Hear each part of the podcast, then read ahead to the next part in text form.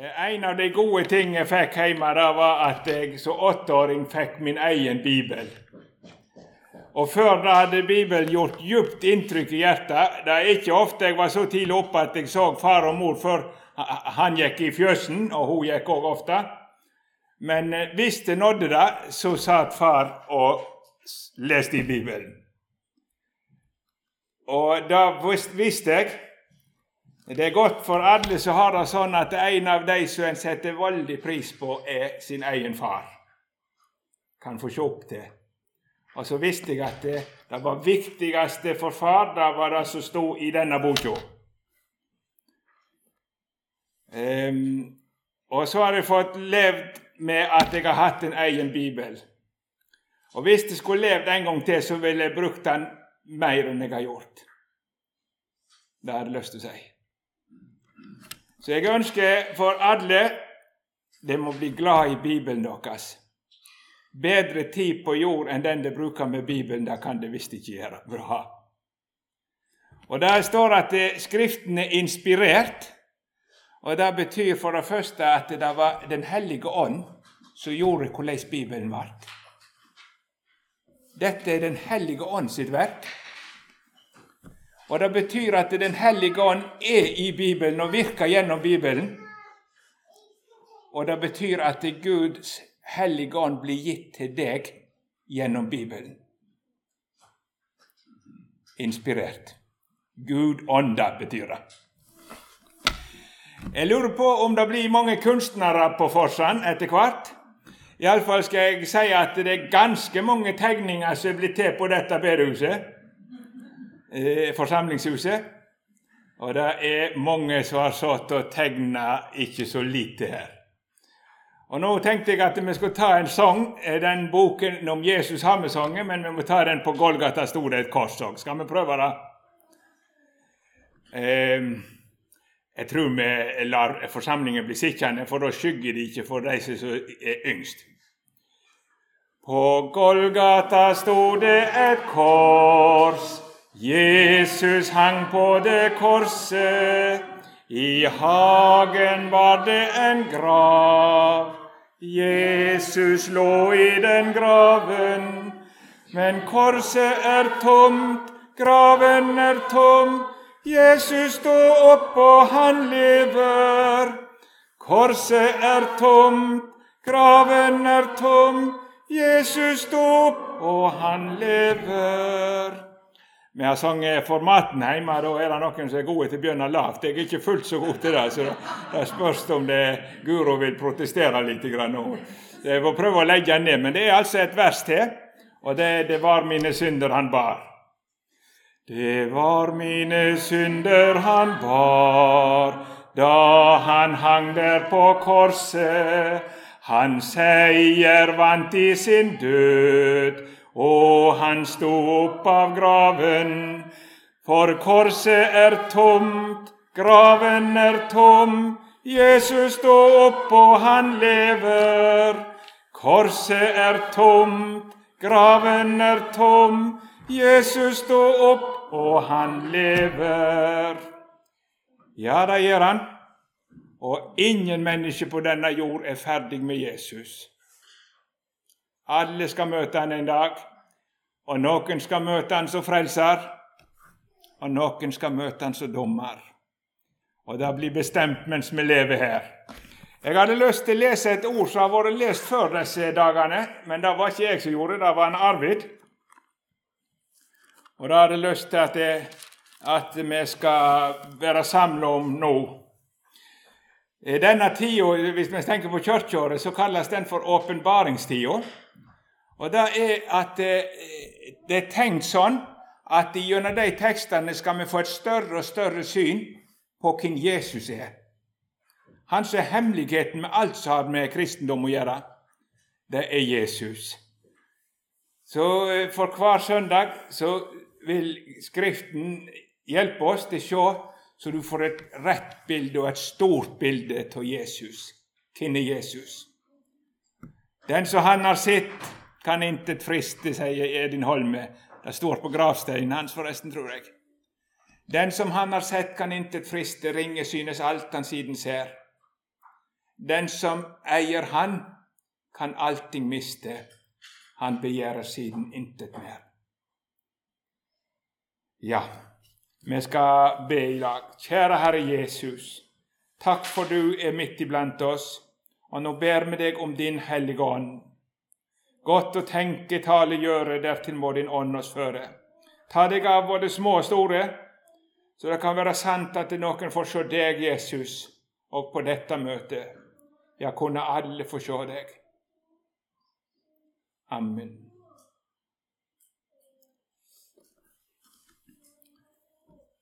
Det som Arvid leste, det var når det kom utsendinger like fra eh, jeg si, regjeringen, eller styresmaktene i Jerusalem, og skulle spørre hvem Johannes var.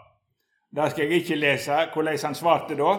Men så kommer den siste delen som Arvid òg leste. Dagen etter ser han Jesus komme til seg og sier, Sjå der Guds lam som bærer verdens synd. Det var om han jeg sa, etter meg kommer en mann som er kommet før meg, av de han var før meg. Og jeg kjenner han ikke, men for at han skulle åpenbæres for Israel, derfor er jeg kommet og døype med vann.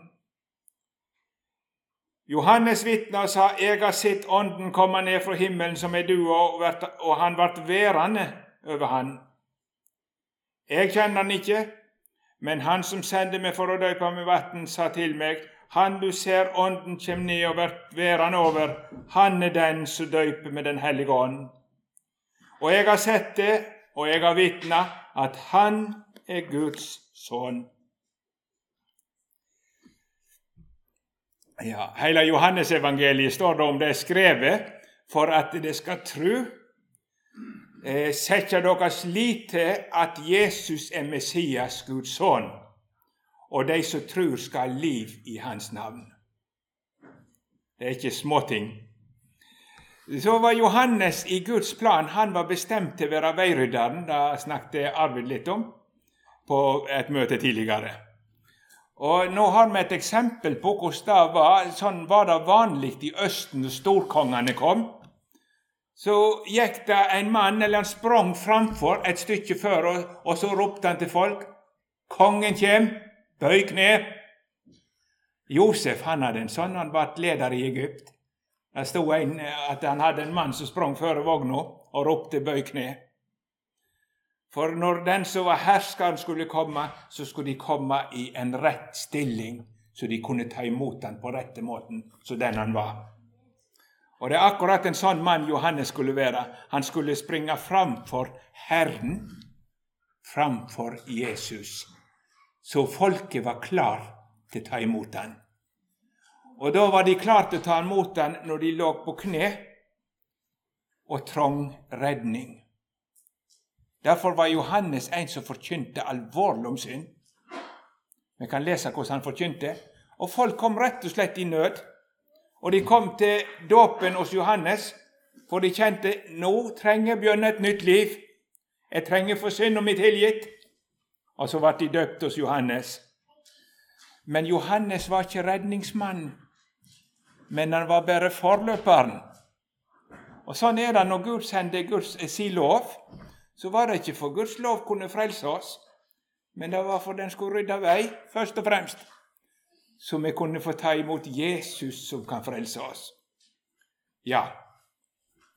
Så Johannes skulle forkynne sånn at folk var i nød med sine synder og visste de trang omvendelse og visste de trang et nytt liv.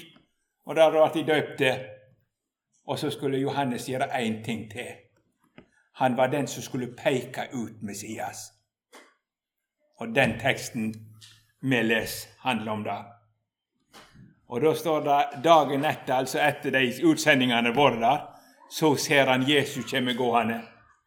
Og så peker han Se der Guds lam som tek verdens synd. Og så står det Han sto der dagen etter òg, og så sa han det sammen. Dagen etter sto han i det, og ser Jesus, så ser han så det er Guds lam. Og da står det noe fint. Disiplene hans hørte hva han sa, de to disiplene som står der, og de følgde etter Jesus. Der begynte en ny vandring for to stykker. Fordi de hørte på Johannes, så begynte de å følge Jesus, og det ble avgjørende i hele livet. Og en av dem var Johannes, som var vitne her. Han begynte å følge Jesus fordi han hørte på døperen. Han så hva døperen forkynte, og så fikk han så bruk for den Jesus må jeg følge. Så ble han jo en av de som ble uttatt til apostler òg. Men da begynte vandringen. Og da hadde jeg tenkt, Tenk om det kunne vært sånn på dette møtet, eller disse møtene òg, at det var noen som så Jesus sånn Jesus må jeg følge. Han kan jeg ikke være uten. Er, da har du fått det rette synet på han hvis du sier 'Jeg kan aldri være uten Jesus'. Han må jeg følge. Ja vel. Aller først hadde jeg lyst til å si vi må ikke miste troa på et enkelt vitnesbyrd om Jesus. Det er så godt at det fins noen sånne pekefingre som ikke peker på seg sjøl, men som peker på Jesus. Det er i grunnen det vi er tenkt til å være som kristne. En pekefinger på Jesus. Så det er i og for seg ikke de kristne som skal være så storarta, og det er vi ikke heller. Vi er ikke så storarta, selv om det finnes mange gilde kristne sånn sett. Jeg har kjent mange som jeg setter veldig høyt. Men det er alminnelige mennesker som er syndige og alt. Men de har funnet noe som er så stort. Det er Jesus er hemmeligheten. Det er Jesus er hemmeligheten. Og jeg har av og til gjort det, jeg har sikkert gjort det her òg. Hvis du peker nå, ser vi ut her så er det ikke så mange som ser om fingeren min var krokete eller ikke, hvis det bare peker på noe som er verdt å se. Ikke sant? Så vi kan være noen kroker, eh, og vi skal nå prøve å være så skikkelige vi kan. Det er ikke noe med det. Men tenk om vi bare kunne få peke så folk ikke så på meg, men de så på Jesus. Det er jo han som er hemmeligheten. Ja. Og da har jeg lyst til å si kristendom er å få øye på Jesus. Det er Jesus som er hele hemmeligheten. Alt det du trenger for himmel og jord, er gjemt i det ene ordet. Får du øye på Jesus, så er du berga. Får du ikke øye på Jesus, så kan det ikke hjelpe deg. Og Nå er det ikke øye sånn at vi kan se han med vårt ytre øye, men du ser han gjennom å høre Johannes sitt vitnesbyrd. Eller høyre Bibelen sitt vitnesbyrd. Se der. Men, men, det er rart, altså. Hvis oppmerksomheten har så lett med meg sjøl òg Nå har jeg levd som kristen siden jeg var liten, og likevel Jeg har så lett å fare tulle rundt meg sjøl. Og tulle rundt meg sjøl. Og så går det så opp og ned. Noen ganger syns du det, kan hende jeg er en kristen, andre ganger så tenker jeg nei, det kan visst ikke være det likevel. Ikke sant? For det er så mye stygt inni som du tenkte ikke skulle være. Og dette vet vi jo etter teorien og alt, men det er like kampfullt for det inntil Gud igjen får snu blikket på Jesus. Å, det er så godt å se. Det som berga meg, en annen person. Det er ikke meg, men det er en annen person som berga meg. Gud har sendt en redningsmann som har tatt på seg å berge en sånn som meg, og så får jeg lov å bare følge han. Ja. Så sier han noe her, og nå er, er dette egentlig Det høres jo en enkel setning. Jeg skal ikke gå mye på de andre, men den ene setningen. Sjå der Guds lam så bær bort verdens synd. Jeg vet ikke hvor det står hos dere. Står det 'bær verdens synd'? Eller står det 'tek bort'? Her skal vi se. Sjå der Guds lam som bær verdens synd. Det ordet det betyr to ting. Det betyr både at han løfter det, han ber det altså, og det betyr at han fjerner det. Begge deler ligger i uttrykket. Se Jesus som løfter opp all verdens synd på sine skuldre, og så fjerner det. Men jeg må si litt om det uttrykket 'se der Guds lam'. I den engelske marine så har de et, et tau som de har brukt. Sånn heter det iallfall. Om det er sånn fortsatt, det kan jeg ikke gå i god for. Men i det tauet så er det et merke som gjør at de alltid kan kjenne det igjen. Midt igjennom så går det en rød tråd. Så går det gjennom hele tauet, så er bevis på at det er den engelske marine sitt tau. Sånn var det iallfall før. Og De, de tauene skulle være gode, og de skulle kjenne det igjen. Derfor snakket de om den røde tråden. Og det er sånn i vår bibel. Denne bibelen har en rød tråd, som er selve hemmeligheten med Bibelen. Og den røde tråden, det er det som har med Guds lam å gjøre. Lammet. Og Det begynner allerede på syndefallets dag med at Adam og Eva blir dødsdømt. Den dag det synder, skal det dø. Og så henger dommen over Adam og Eva. Og det er bare døden som kan ta bort dommen. Og Det som er eh, sant om oss mennesker, det er at vi er dødsdømt ifra fødselen.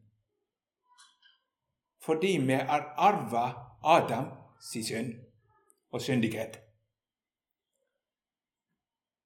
Det er mange som ikke tenker på det. For vi tenker de uskyldige små barna. Men det er merkelig at disse uskyldige barna alle sammen blir syndere når du vokser opp. Ikke sant? Vet du hva det kommer av? De kommer av samme rot, alle sammen. Adam.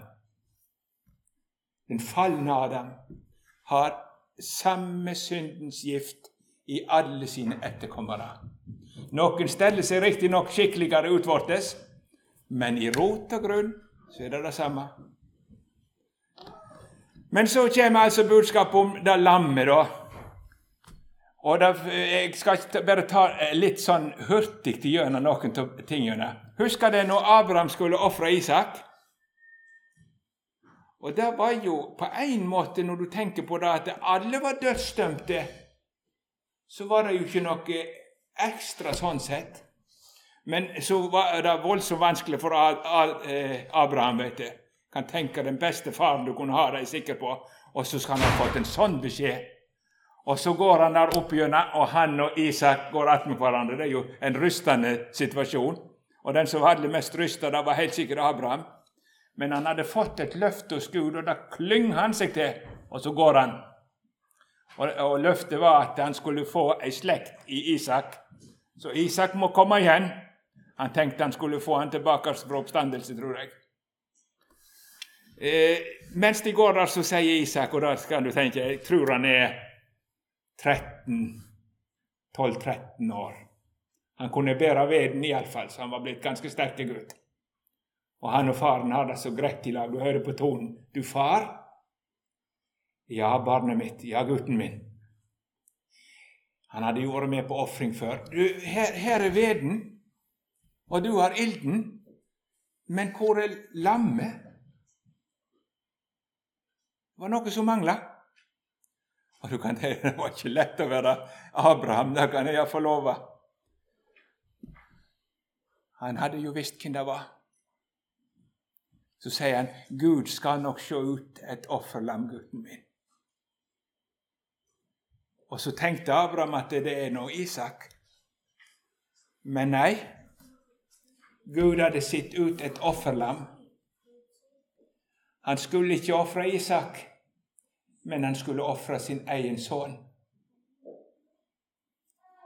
Så når Gud legger på Abraham å ofre sønnen sin, så hadde Gud allerede i hjertet sitt ofra sin sønn. Og så skulle Isak slippe. Og Foreløpig så blir det vist at når de er kommet så langt at det skal skje Jeg tror ikke det var noe basketak ut med alteret. Jeg tror Isak har sagt, 'Far, er det Gud som har sagt det, så må vi gjøre det.' Det tror jeg. Og så var han kommet så langt til livets tyngste stund at han skulle gjøre det. Så roper Gud ifra himmelen. Abraham, gjør ikke sånn i noe, for nå veit jeg at du frykter meg. Og så snur de seg, og så ser de en vær, eller et lam. Da kommer det inn i bildet. Det var noen som måtte dø i stedet for den, skyld, den skyldige, hvis du forstår bildet rett. Ja. Og det er Bibelen sitt budskap. da. Gud har tenkt et lam som skulle dø i stedet for oss. Den neste plassen jeg har lyst til å minne dere om, det er ved utgangen av Egypt. Og Nå er det sånn at det, det er mange forbilder. Og det som skjer i Egypt da, det er forbildet på dommens dager, når Gud skal helle dom. Og den samme dagen som var dom, den ble òg utfrielsesdagen.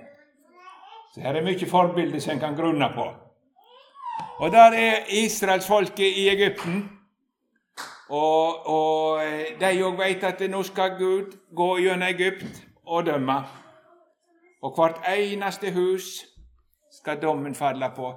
Og fordi det var ikke den siste dommen, så var det dømt representativt, altså den eldste sønnen i hvert hus. På familien sitt vegne skulle dommen felle sånn. Ja. Og så husker jeg hva Gud gjorde når Gud skulle frelse. Han ga de lov til å finne et lam, og seinere skulle de gjøre dette der som minne. Tiende dagen det er nesten så det er april, men det er lite grann før, så det er mars-april. Sånn på den tida med påske. Da, Tiende dagen i måneden, da fant de et lam skulle gjøre, og så skulle det ofres den 14. De skulle sette det til side, og så skulle det slaktes den 14. Nis, Nissan, som det heter. Og så skulle eh, Eh, de ha natt, eh, nattverden, sånn som de hadde. Og lammet sitt blod skulle ofres i, i, i, tempelet, eller der de hadde og så skulle de eh, ete det, påskemåltidet. Dette skal ikke jeg gå mye inn i. Men altså, den natta Gud skulle gå forbi, så sier Gud at det, det skal reddes gjennom et lam som skal dø for dere. Finne lammet, et lyteløst, årsgammelt lam som skulle slaktes om ettermiddagen. Og så skulle de ta noe av blodet og merke husene sine med. Og Blodet da vitner i Bibelen om at her er det noen som er død. Et liv som er, er utgitt. Så det er ikke det at det er blodet i seg sjøl, men det er blodet fordi det er livet utgitt, som gjør det krafta si. Så, eh, ja. Og, og, og, så sitter Israel der og venter at nå skal Gud ha dom. Men han har sagt vi skal være trygge hvis vi har blodet på dørene. Det har han sagt. Ingenting skal ramme de som er bakom det, det blodet så, eh, lam, ifra lammet. Altså, Jeg mange ganger måtte snakke med meg sjøl om hvordan det var å være der. Og Da kan du leve deg inn i det. For dette var alvor, for nå hadde Gud vist sin makt i disse slagene som hadde gått over Egypt. Og nå hadde han sagt i natt skal det være skrik over hele Egypt. Voldsomt skal det være. Men det er trygge hvis det er bakom blodet til det lammet som dør. Og det er det eneste jeg vil se etter. Når jeg går gjennom Egypt, så er det ett tegn snakket i går om at Gud setter merke på sine. Og kan du tenke på at det er et merke som Gud ser. Det er de som er bakom blodet. Ja, og så kan du tenke, der sitter gutten og faren og prater sammen. Du, far? Eller familien sitter der òg. Og den eldste gutten begynner å bli urolig. Er det sant at det, Gud skal dømme? Er det sant at han, de må dø? Ja, ja, jeg er redd, far. Ja, men du trenger ikke være redd, gutt, for Gud har tenkt å redde oss. Jo, men du veit hvordan jeg var mot deg og mor hin dagen. Jeg er ikke noen snill gutt alltid. Tenk om Gud vil dømme meg likevel. Ja, sier han, det kunne han nok gjort, men husker du lammet? Ja, det var det fineste lammet vi hadde. Ja, hva gjorde vi med lammet? Det måtte dø. Ja, hvorfor måtte det dø, da? For det tok plassen din. Du skal slippe. Og så skulle vi sette merke, husker du det? Ja, merke på døra, på utsida. Og så lover Gud én ting. Når han ser blodet, så skal jeg gå forbi. Ja, De kan male det ut. I andre plasser sang de kanskje lovsanger. Så har jeg spurt meg sjøl Hvem var tryggest, den som var redd, eller den som var glad? Var de bakom blodet, så var de like trygge begge to. Det er godt å tenke på. Og Dette er jo Gud som tegner gjennom historien den frelse som han sjøl hadde tenkt. For her var det de som skulle se ut et lam, men Gud hadde ifra evighet av sett ut et lam. Og det er det Johannes står der. Alle det som har synda mot Gud, er under dommen. Sjå nå! Sjå nå! Sjå, der er Guds lam som tek bort verdens synd. Så har Gud tenkt på Øyvind, og han har tenkt på Jan. Og han har tenkt på dere alle. Jesus skal stå ansvarlig for alle syndene. Han skal bære det. Ja, jeg kunne tatt med et trekk til ut igjennom, men jeg vet ikke, kanskje det, jeg, jeg skal ikke gjøre det i dag. Jeg har vært så flink til å tale lenge, så nå skal jeg ikke, ikke eh, ta rekorden i dag, tror jeg. Jeg er så ute etter rekord alle veier at det kan oppfattes feil, dette der. Ja, men det står i Bibelen om en som var syndebukk, som bar synda bort ifra folket. Men når det står om Jesus, sjå der Guds lam, skal du tenke, der er han som skal ta plassen min. Han skal være synder i stedet for meg. Han skal være dødsdømt i stedet for meg. Han skal inn på dommedag i stedet for meg.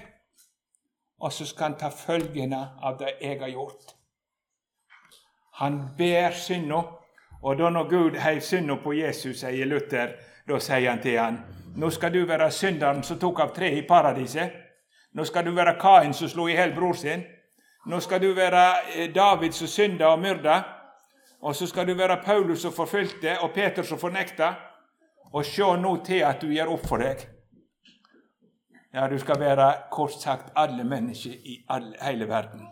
Og det er så godt å tenke på, syns jeg. Det er så trøst for meg selv at det, eh, hvis en annen tok på seg å gjøre dette, der, så måtte du alltid tvile om alt hadde vært med. Er det nå sikkert at alt var med? Men når Gud gjør arbeidet sjøl, så er jeg sikker. Når Gud sier gjennom Johannes at han ber verdens synd, da kan jeg være sikker. Der er alt med. Alt jeg har gjort som kunne stenge meg ut i evighet, det ble flytta ifra Høyvind og over på Jesus. Og så bærer Jesus hele byrden. Da kunne ikke Gud være nådig imot han. Og Derfor må han gå til Golgata og smake det fela som han gjorde. Men da står det altså i samme ordet at han ikke bare bærer det, men han ber det bort. Han fjerner det. Og det er det neste jeg har lyst til å peke på. Han bar det ikke bare ut i ørkenen, sånn som syndebukkene i, i, Det gamle testamentet. Eh, de la det på eh, avfall på en øde plass, altså.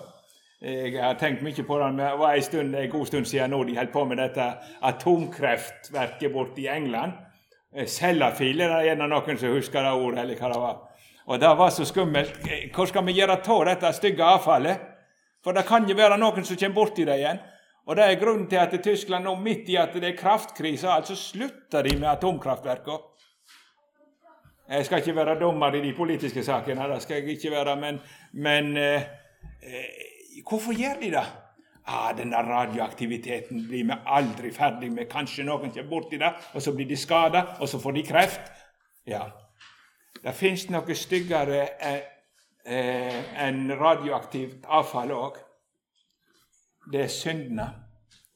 For den som er i, nærheten eller er smitta av synd, han blir dømt til fortapelsen på dommens dag. Så da må Gud syte for at det er ingen som kan komme borti, så det nytter ikke å legge det ut i ørkenen eller langt bort sånn. Men Jesus måtte fjerne det. Fjerne det helt. Og da måtte han iallfall fjerne som skyld. Hvordan gjør han det? Han betaler hver eneste post gjennom sin død. Så i dag Jesus dør, så betaler han hele menneskeslekta fri. Han gir sitt liv til løsepenge. Han betaler den prisen som skulle til for at alle mennesker skulle bli fri fra sin synd.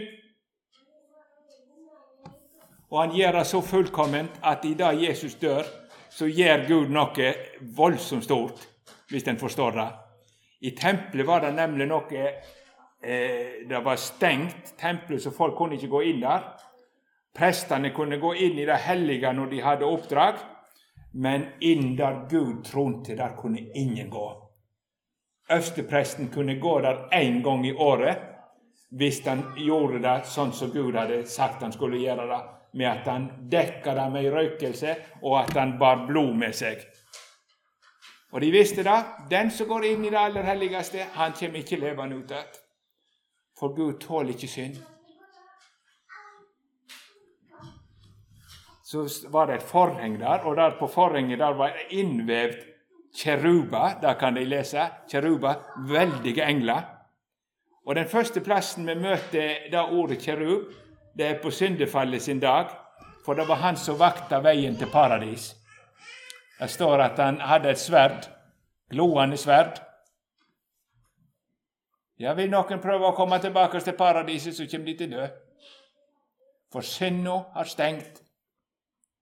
Det går ikke an for en synder å komme til Gud sånn som han er. Og der står kjerubene. Og det var det samme skillet som eh, var vevd inn i tempelet, eh, disse dukene, eller i tabernaklet. da. Og det er samme i det forhenget Jeg har hørt at det har vært så tjukt at noen tror mener det var omtrent den tjukken nå, det forhenget. Det var noen, noen, kraftige saker som skulle henge i fred. Og, det, og, og, og, så, eh, og der var det disse kjerubene som de så. Og så tenkte de det er farlig for oss å komme Gud ned. Vi skulle så gjerne ha det i orden med Gud, men det er noe som stenger. Vi er ikke sånn som vi skulle. Og da kjenner en som har hørt litt på Johannesforkynnelsen, han kjenner det i hjertet sitt. Jeg er ikke sånn at jeg passer sammen med Gud. Stygge tanker, egoisme, mangel på kjærlighet. Ja, Du trenger ikke begynne å ramse lenge før du får mer enn nok. Jeg burde jo hatt Gud som første person, men hvor ofte glemmer jeg ikke alt som har Gud å gjøre, og tenker meg sjøl, meg sjøl, meg sjøl. Ikke sant? Og Det er alvorlig, for det betyr at jeg passer ikke i lag med Gud. Men så skjer det noe på Golgata. Alt dette her ligger på Jesus. Og i det Jesus dør, så sletter han ut smitt og smule. Og da tar Gud og flerrer duken i tempelet. Så når øverstepresten kommer og skal bære fram røykofferet omtrent i tretida, da ser han Nå er det ikke lenger noe som skiller. Han forsto det ikke og trodde det ikke og forkasta Jesus. Men budskapet er klart. Jesus har fjerna alt som skiller oss ifra Gud. Han har utsletta skyldbrevet. Kan du skrive på lista sånn, hva som du skylder Gud? Hver eneste posttanke som du kommer på, og så kan du be Gud føre på resten.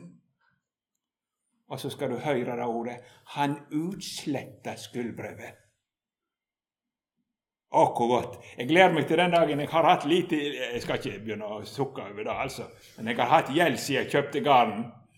Ikke så stor som mange har nå når de har gard, altså. Men sakte, men sikkert så putler den seg ned gjennom nå. og Til å begynne med så syns jeg ikke jeg minka i det hele. Og det har gjort noen hopp opp igjen hver gang jeg skal kjøpe noe.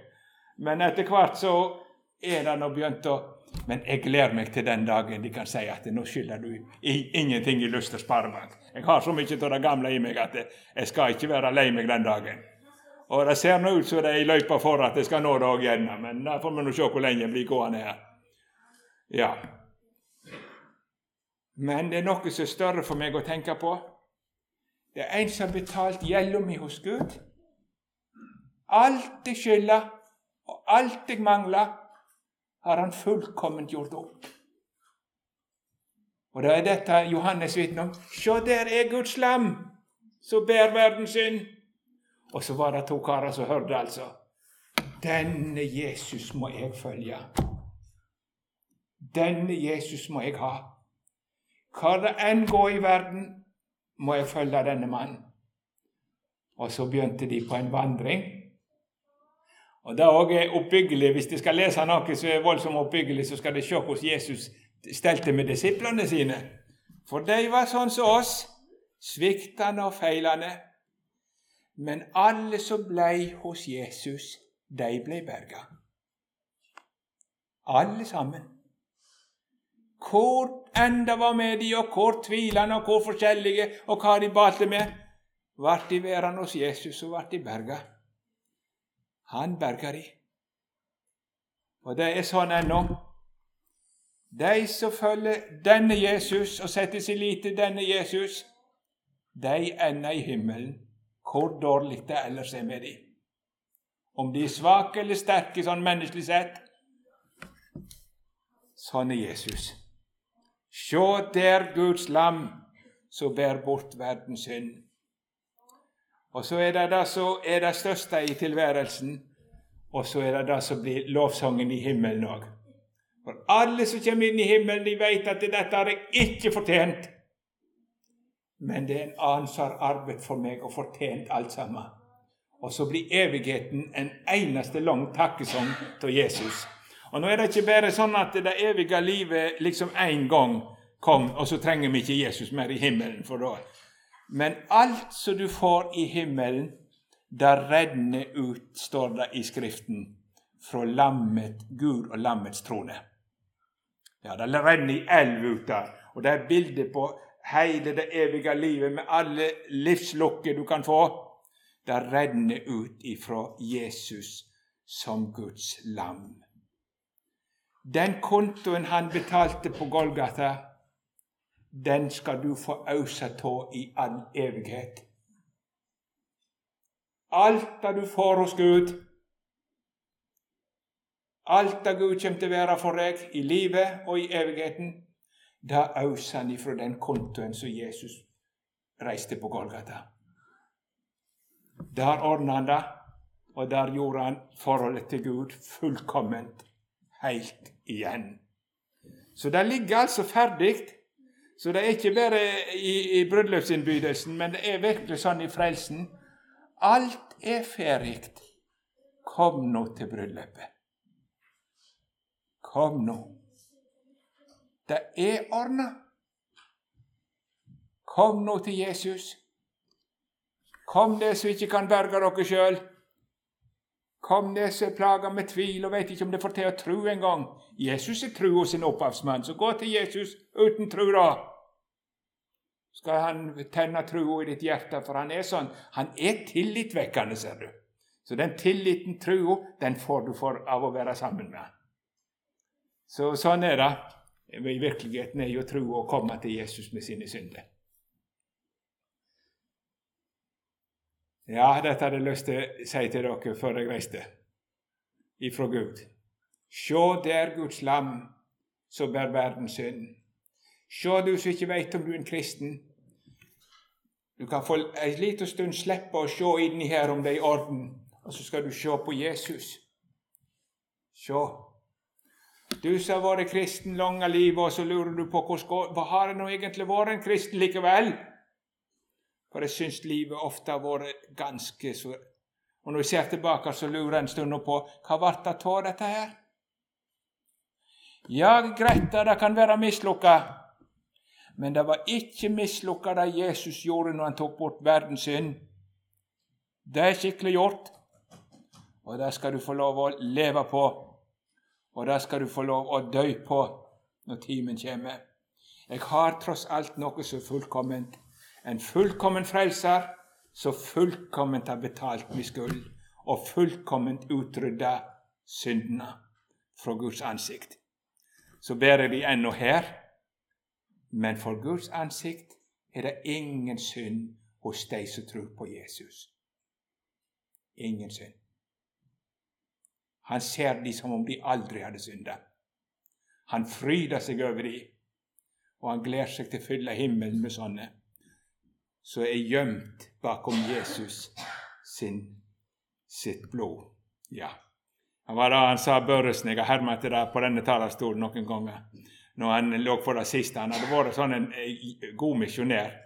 Han var eh, en av de to første misjonærene til Santalmisjonen, som nå heter Nordmisjonen. Og Den andre som var tidlig ute, da var han Skrefsrud som hadde vært på forbrytergaleien, og så ble han misjonær når han ble en kristen. Og han ble jo en meget kjent misjonær. Og så sa han jeg har bodd i lag med Børresen i 14 år, og jeg har ikke merka at han har det gamle mennesket. Så det var en uvanlig fin mann, altså. Jeg vet ikke om noen vil si det som har bodd med meg i 14 år, at jeg ikke har det gamle mennesket. Det skal jeg love, de skal være få som sier noe sånt. Han stikker seg fram. Ja vel, men så ligger Børresen på sitt siste, og så sier han det far ifra meg, jeg finner ikke trøst verken i kristenlivet eller misjonærgjerningen min eller alt. Det er liksom fare vekk. Ingenting til trøst. Så sier han tilbake står Kristi blod, og i det vil jeg vise meg for Gud. Tilbake står Kristi blod, og i det vil jeg vise meg for Gud. Holder ikke min kristendom, så holder min Kristus. Og Derfor er en kristen ikke en som tror på seg sjøl, men en som tror på Jesus. Jesus, Jesus og Jesus alene.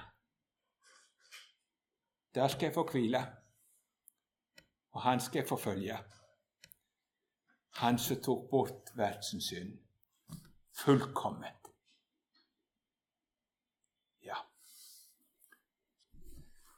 Så da kunne jeg hadde lyst til at det kunne vært at noen kunne tenke da at jeg, jeg sitter igjen med en enda større Jesus. Det er det gildeste som kunne skje for en forkynner. En stor Jesus. Ja.